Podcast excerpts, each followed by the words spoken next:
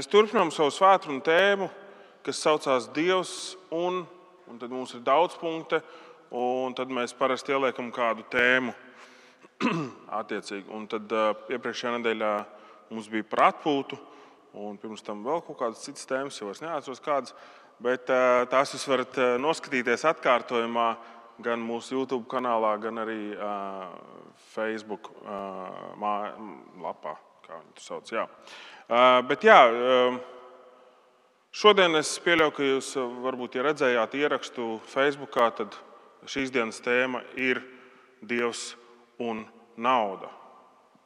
Un, interesanti, ka Jēzus visvairāk, visbiežāk runā tieši par naudu, ja par mantu, ja par bagātību, par turību.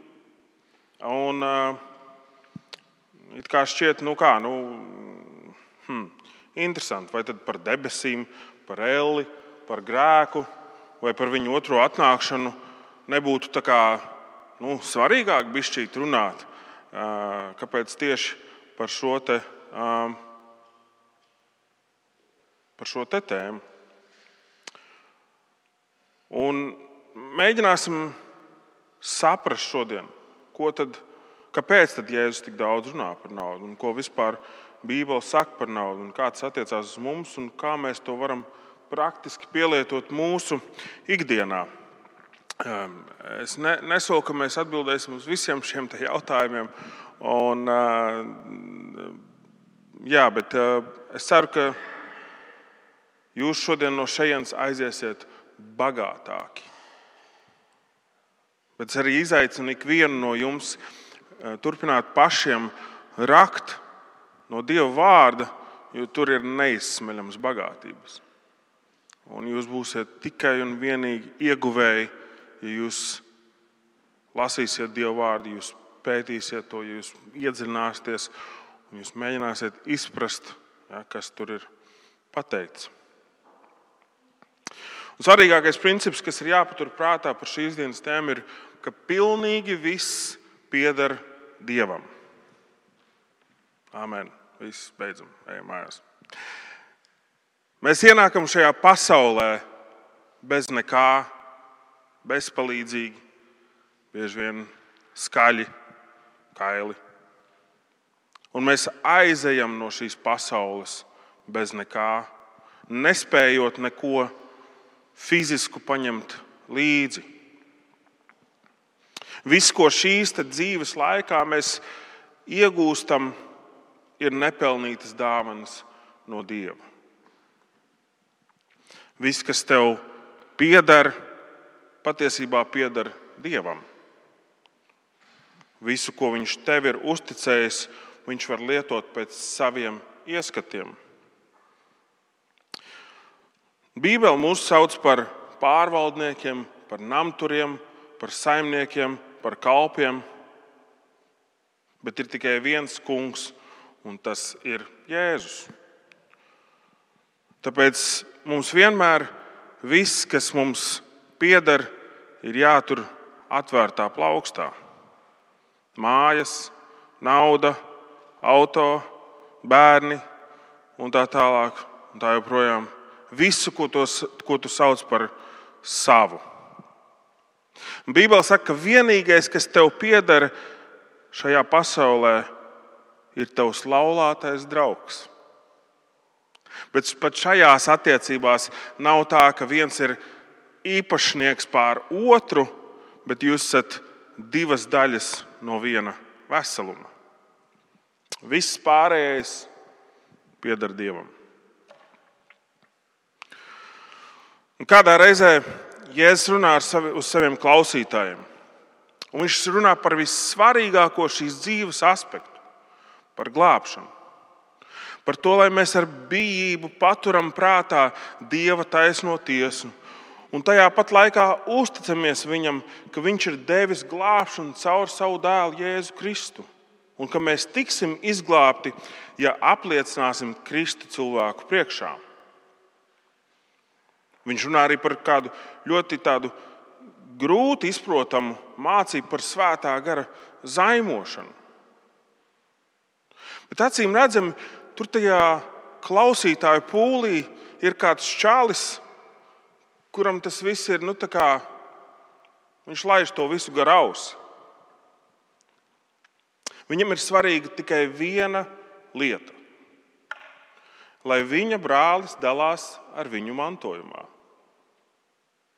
Visticamāk, viņš ir jaunākais no vismaz diviem brāļiem, jo vecākais ir tas, kurš parasti saņem mantojumu. Un tagad, kad viņa vecākais brālis ir saņēmis mantojumu, viņš uzskata, ka pret viņu ir, ir nodarīta liela netaisnība, kura Jēzum tagad ir jāadresē un jāiztiesā. Un tas ir svarīgākais šīs dienas viņa jautājums. Viņa priekšā stāv Dievs, bet viņš domā tikai par naudu. Un es iedomājos, kā, kā Jēzus stāv apkārt pūlis, un, un Jēzus runā, un šis vīrs varbūt sagaida, kad Jēzus ietur varbūt nelielu pauzi un spēr vaļā savu jautājumu. Tad nu, kopīgi mēs izlasīsim no Lūkas evanģēlīja 12. nodaļas 13. līdz 34. pāntu. Jūs varat uzšķirt, ja jums ir līdzi Bībeles, tad Lūkas evanģēlīja 12, 13 līdz 34. Un es lasīšu no tāda pavisam jauna tulkojuma. Tad kāds no ļaužu pulka sacīja viņam: Mācītāji, saki manam brālim, lai viņš dalās ar mani mantojumā. Bet viņš tam atbildēja: Cilvēki, kas man iecēlis jums par tiesnesi vai mantas dalītāju? Un viņš tiem sacīja: Uzmanieties un sargieties no mantkārības, jo neviens nedzīvo no tā, ka viņam ir daudz mantas. Un viņš stāstīja tiem līdzību, sacīdams: Kādam bagātniekam viņa lauki bija nesuši pa pilnam augļu, un viņš sāk pie sevis spriest, ko es darīšu, jo man nav kur savu ražu likt. Un pie sevis viņš prātoja: Es rīkošos šādi. Es noplēsīšu savus šķūņus un uzcelšu lielākus, un, lielākus, un tur savākšu visu labību un mantu, un sacīšu savai dvēselē: Dvēsele, tev ir lieli krājumi uz ilgiem gadiem. Atpūties, ēd, dzer un līksmojies. Bet Dievs uz viņu sacīja: Tu bezprātīgais, šī naktī no tevis atprasīs tavu dvēseli. Kam tad piederēs tas? ko tu esi sakrājis. Tā iet tam, kas sev mantas krāja un nav bagāts dievā. Un viņš sacīja saviem mācekļiem: Tāpēc es jums saku, neuztraucieties par savu ikdienu, par to, ko ēdīsiet, ne arī par savu ķermeni un to, ko vilksiet mugurā. Jo dzīve ir kaut kas daudz vairāk nekā tikai pārtika, un ķermenis ir vairāk nekā tikai apģērbta miesa. Skatieties uz kraukļiem. Tie neko nesēja un neko nepļauj. Tiem nav šķūņu vai klēšu, kur, kur sakrāt lietas, un tomēr Dievs viņus uztur. Cik daudz vairāk jūs esat vērti nekā putni? Kurš jūsu starpā ar visu savu uztraukšanos var pielikt kaut vienu stundu savam mūžam? Un, ja jūs nevarat pat tādu mazu lietu, tad kāpēc jūs uztraucaties par lielām lietām? Skatieties uz lilijām. Tās nevērpj un neauž. Bet es jums saku, pat Sālamans visā savā greznumā nav bijis tā apģērbts kā viena no tām. Bet, ja jau zāli laukā, kas šodien aug, bet rīt tiek krāsnī mesta, Dievs tik skaisti apģērb, cik vairāk jūs, jūs masticīgie. Tāpēc neuztraucieties par to, ko ēdīsiet un ko dzersiet, un atmetiet visus citus uztraukumus, jo visa pārējā pasaule tā rīkojās. Jūsu tēvs jau zina, ka jums šīs lietas ir vajadzīgas. Tāpēc labāk dzenieties pēc dieva valstības. Tad jums šīs lietas tiks piemestas. Nebīsties, tu mazais ganāmais pulciņš, jo jūsu tēvs ir nolēmis jums piešķirt valstību. Pārdodiet savu īpašumu un atdodiet iegūto labdarībai. Veidojiet sev naudas mākus, kas neizdilst, krājiet tajos neizsīkstošu mantu debesīs, kur zaglis nevar tai piekļūt un ko kodis nevar sabojāt. Jo kur jūs tērēsiet savu mantu, atspoguļos to, kur būs jūsu sirds. Okay, tie ir diezgan daudz ko aplūkot, bet mēs apskatīsim šīs lietas. Vai, vai mums ir jāpārdod visi savi īpašumi un jāizdala nabagiem? Kā neuztraukties par ikdienas rūpēm? Un kas tad ir vissvarīgākais šajā dzīvē? Šajā un arī citās raksturvietās Jēzus diezgan tieši saka, pārdod to, kas tev pieder, atdod labdarībai un krāj mantu debesu valstībai. Ļoti līdzīgi viņš to saka arī tā sauktiem bagātiem jauneklim.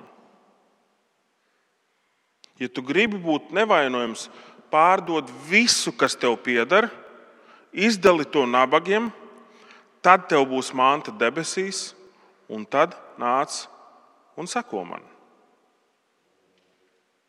Arī par pirmo draugu mēs lasām, ka viņi pārdeva savus īpašumus un nolika iegūto naudu pie apstuļu kājām, lai tie izdala kā katram vajag, un nevienam nekā netrūka.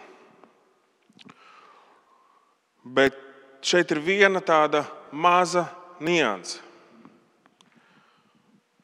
Pārdot visu un viņam sekot, viņš aicina, Jēzus aicina tikai bagāto jaunekli. Ne šajā, ne paralēlajās raksturvietās, citos evaņģēlijos, ne arī raksturvietā par apstuļu, apstuļu darbos nav teikts, ka ir jāpārdod pilnīgi viss. Tas priekš manis personīgi bija jaunatklājums pētot šo raksturvietu.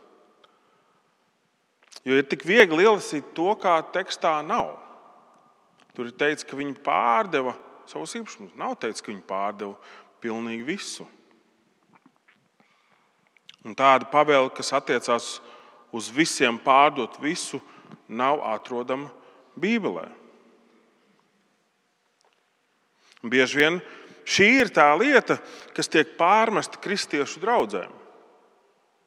Viņi aicina visu pārdot, noskūt galvu un atdot to visu baznīcai. Nu, ne to, ko noskūt, bet to, ko pārdot. Un es nevaru noliekt, ka ir draudzes, kuras, kurās tas tiek sludināts un ļaunprātīgi izmantots. Mēs noteikti katrs esam dzirdējuši tādus stāstus. Un cilvēku dzīves tiek izputināts, un kāds cits iedzīvojas lielās bagātībās uz citu rēķinu. Bet, ja tu esi draudzē, kurā draudzes vadība braukā ar lepnām automašīnām un vāc naudu trešajai privātajai lidmašīnai, tad, manuprāt, atbildība gulstās uz tevi pašu. Tāpēc, ka mums ir tik daudz sliktu piemēru, mēs gribam būt par labu piemēru. Arī mūsu draudzē ir dažādi mehānismi, kā mēs sakojam līdzi tam, lai viss, kas ir saistīts ar finansēm, notiktu godīgi un neviens neiedzīvotos uz draudzes rēķina. Arī pirms pāris nedēļām mums bija pilnsapulce, kurā mēs godīgi pasakām, cik mēs esam savākuši, cik mēs esam iztērējuši, kur tas viss ir aizgājis. Papildus mums ir cilvēki, kas varbūt tam sako līdzi, tāda revīzijas komisija. Mēs mēģinām šos sliktos piemērus atspēkot ar labajiem piemēriem. Dievs mūs aicina būt par gudriem pārvaldniekiem. Arī mēs, kā draugi, esam iestājušies par gudras pārvaldniecības principiem. Mūsu YouTube kanālā joprojām ir pieejamas lekcijas par to, kā gudri pārvaldīt savas finanses, kā veidot, veidot ģimenes budžetu, kā nedzīvot pāri saviem līdzekļiem. Jo saprātīgāk tu rīkosies ar saviem līdzekļiem, jo vairāk tev būs ko dot, lai pasludinātu labo vēstu citiem. Un es ticu, ka arī šie piemēri Bībelē to atspoguļo. ka tie, kas pārdeva kaut ko, viņi saprata, bet man tik daudz īstenībā nevajag. Varbūt viņi izrēķināja, cik viņiem ir nepieciešams. Dievs man ir svētījis ar vēl vairāk, es varu to dot prom. Jo viss tāpat pieder Dievam. Un jo saprātīgāk tu rīkosies ar saviem līdzekļiem, to jau es teicu. Tas, ko Bībele cenšas mums nokomunicēt caur šiem piemēriem, ir dāsnums. Mēs tiekam aicināti dzīvot dāsni, ka mēs neakumulējam bagātību sev, un mēs nepaļaujamies uz to kā savu glābēju, kā savu drošību bet, pa, bet ka mēs paļaujamies uz Dievu, ka Viņš parūpēsies par visām mūsu vajadzībām. Un tas attiecās uz visām dzīves bagātībām, ieskaitot mūsu laiku un mūsu prasmes. Mēs tiekam aicināti dalīties ar visu, kas mums ir, tādējot pildot divus svarīgākos paušļus - mīl Dievu mīl cilvēkus. Es gribu uzsvērt, ka šis nekādā veidā neaicina mūs nedarīt neko, lai nopelnītu iztiku. Es pārdošu visu, nestrādāšu, sēdēšu un paļaušos, ka Dievs par visu parūpēsies. Pāvils vēstulē Timotejam saka, ka tas, kurš nerūpējas par savējiem, ar to domāts citi ticīgie, un vēl vairāk par savu tiešo ģimeni, tāds ir novērsies no savas ticības un ir ļaunāks par neticīgu. Un es nezinu, ko Dievs tevi aicinās darīt. Varbūt Viņš tiešām tevi aicinās pārdot visu, kas tev ir, un izdalīt nabagiem. Bet esmu pārliecināts, ka tas būs Viņš, kurš uz to aicinās. Un viņš arī būs tas, kurš dos paļāvību, ka viņš pēc tam arī parūpēsies par tevi. Paturiet arī prātā, ka šis nav glābšanas jautājums. Tas, vai tu esi dāsns, neizšķir to, vai tu esi glābts vai nē. Tas tikai atspoguļo to, kur ir tava sirds? Vai tev ir svarīgs tas, kas Dievam ir svarīgs? Tāpēc Jēzus arī saka, tas, kā tu tērē savu naudu, atspoguļo to, kas tavā dzīvē ir svarīgs. Un tā vien šķiet, ka manā dzīvē šobrīd svarīgākais ir rēķini. Jo tas ir tas, uz ko mūsu ģimene visvairāk šobrīd tērē. Bet arī šeit es varu pārskatīt savus tēriņus. Varbūt uz kādu laiku jāatsakās no Netflix abonēšanas. Varbūt ikrīta Narvisena kafija var tikt nomainīta ar mājās uzvārītu kafiju. Un šķiet tādi nu, sīkumi, nu, cik tur tas papras. Bet lielas upes satek no maziem strautiņiem. Kā lai es neuztraucos par ikdienas maksājumiem? Kā lai es palaidu to vaļā un uzticos Dievam? Viens veids ir grēku nožēla. Kādiem no mums ir vienkārši tas jānožēlo un jādod Dievam? Tēvs, piedod, ka es paļaujos uz saviem spēkiem un savu varēšanu vairāk nekā uz tevi. Kungs palīdz man skatīties uz putniem debesīs un teikt, re, viņi ne par ko neuztraucās, un tomēr tu pabaro tos ikdienas. Dievs palīdz man lūkoties uz krāšņajām puķēm Rīgā veikalā, kas pēc pāris dienām nomītīs, novītīs un, un tiks izmestas un pamanīt to skaistumu, ar kādu pat ķēniņš Sālamans visā savā Gucci un Dolce Gabbana apģērbā neizskatījās tik stilīgi. Un, ja jau puķis tu esi tik skaisti apģērbs, cik gan vairāk tu rūpējies par mani? Otrs veids ir pateicība. Būsim godīgi. Neviena cita paudze kopumā ņemot, nav tik labi dzīvojusi kā mūsējā. Un es nesaku, ka visiem klājās labi. Es zinu, ka joprojām ir cilvēki, kas dzīvo trūkumā. Bet tik daudziem cilvēkiem labklājība tik augstā līmenī nekad nav bijusi. Man patīk lietot tādu salīdzinājumu ar kādu krievu tautas pasaku, kas saucās 12 mēneši. Padomu laikos bija arī tāda filma par to. Tā stāsta par bērnīti, bija un tā ļaunā pamāte, un kas ienīst viņu un izdzen viņu ziemas spēlgonī salasīt zemenes. Un bez tām mājās nerādīties. Nu, viņi nolēma viņu nāvei. Tik ļoti viņi viņu ienīst. Viņa šī bērnīte klīst pa mežu, un sastop, sastop 12 vīrus, jeb 12 mēnešus. Pēc tam, kad viņi izskaidro šo savu bēdīgo situāciju, tur tas jūlija mēnesis, vai kurš tur jūnijas, jūlijas, ja, izkausē tādu placīti sniega un liek zemenēm uzplaukt. Un to viņi tur salas un aiziet mājās, un viss tur, es pat neatceros, kā tur viss beidzās, bet, nu, laikam laimīgi. Bet tas, ko es mēģinu pateikt, tad, tad kad mēs janvāra vidū varam aiziet uz veikalu un nopirkt zemenes, mēs burtiski dzīvojam pasakā.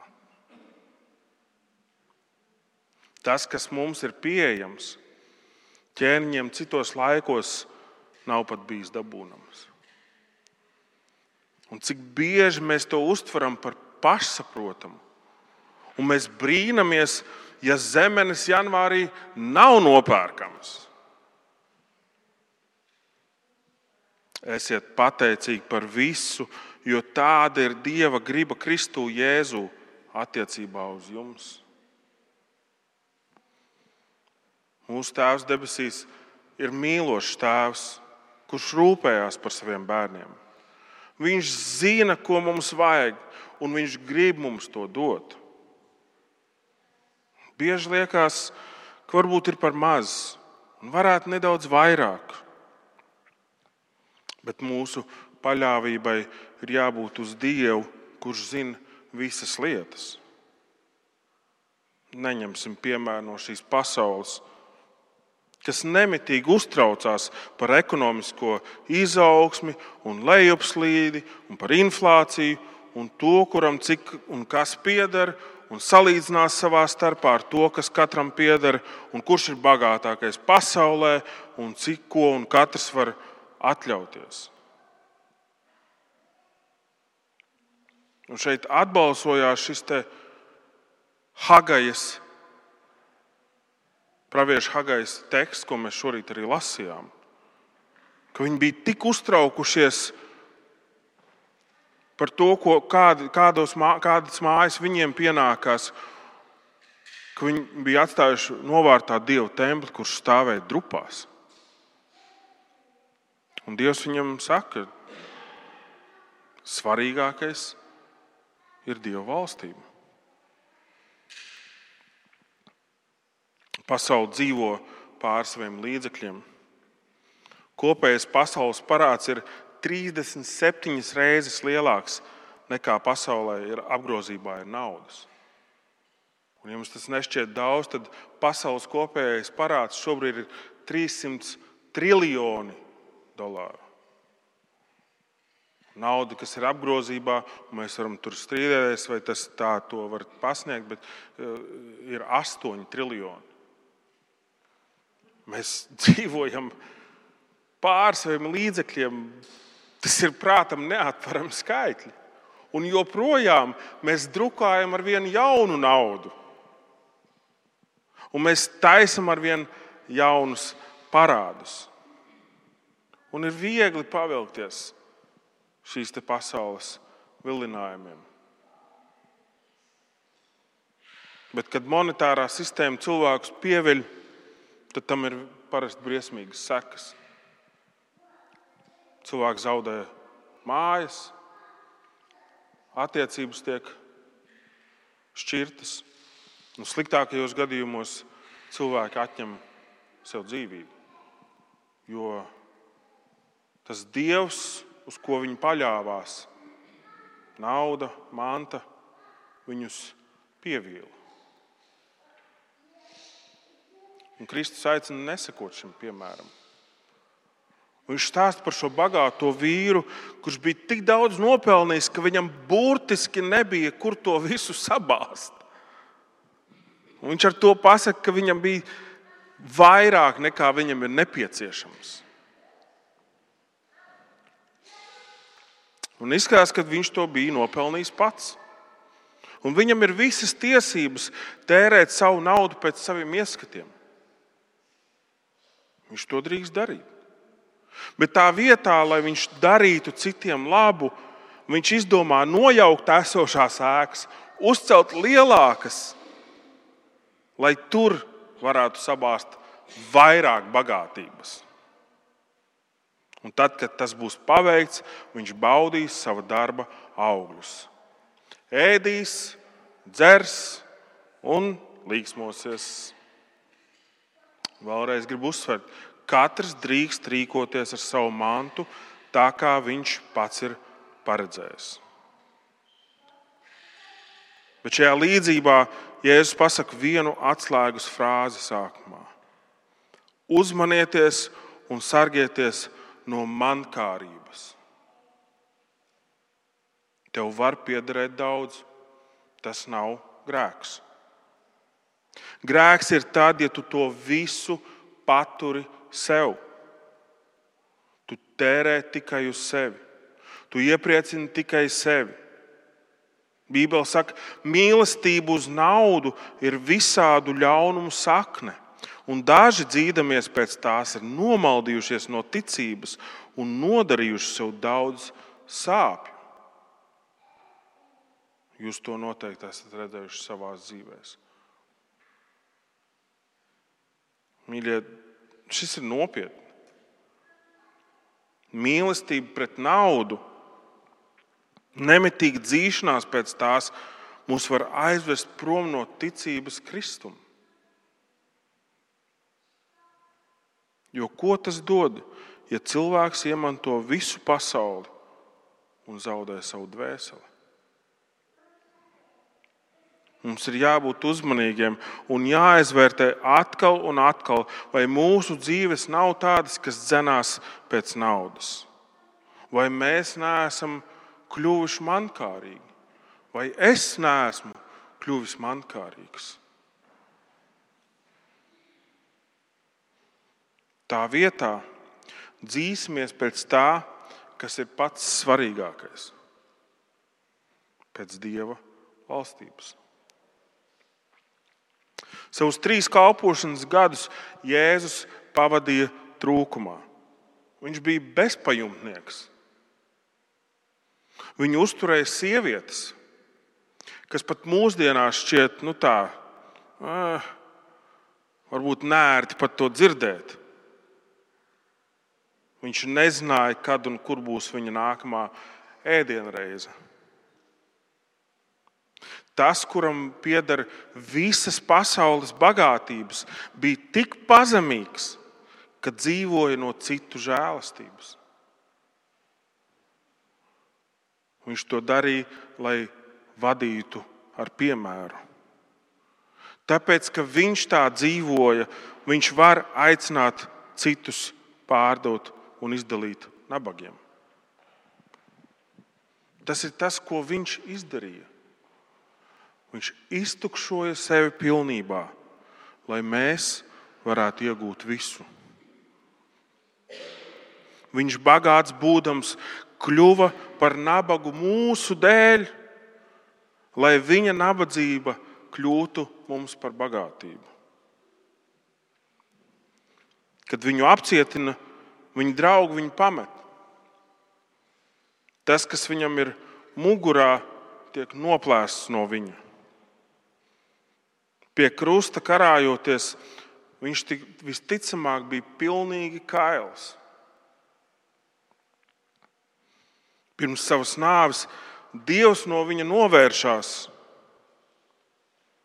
jo viņš ir kļuvis par visas pasaules grēku, kaut pats bija bez grēka. Tajā momentā vienīgais viņa īpašums bija tu. Viņš precīzi zināja, kāda būs mūsu dzīve.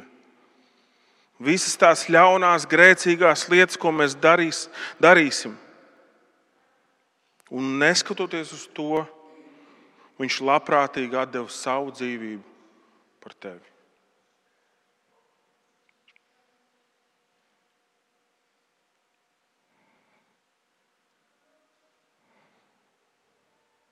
Un Dievs bija gatavs atdot visdārgāko, kas viņam bija. Un viņš tev piedāvā šo nepelnīto dāvanu. Ne jau tāpēc, ka tu esi brīnišķīgs, kaut gan varbūt tu esi, bet tāpēc, ka Kristus ir brīnišķīgs. Un šodien tev ir iespēja nodot savu dzīvi viņam. Ja tu viņu pazīsti, tu no jauna vari nožēlot savus grēkus un saņemt atdošanu. Ja tu viņu nepazīsti, tu vari nožēlot savus grēkus un saņemt atdošanu.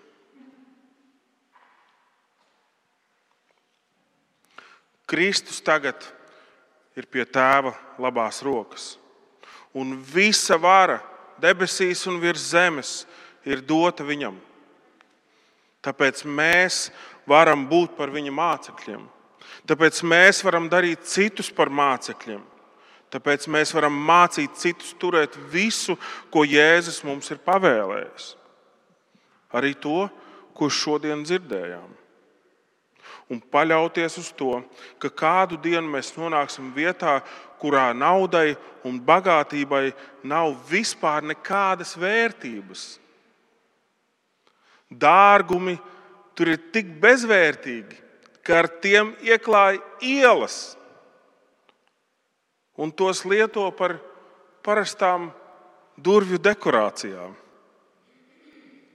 Jo lielākā bagātība, kas tur ir, ir nevis materiālā vērtība, bet gan Jēzus Kristus. Viņam vienīgajam, lai ir slava, gods un pateicīgi mūžu mūžos. Amen!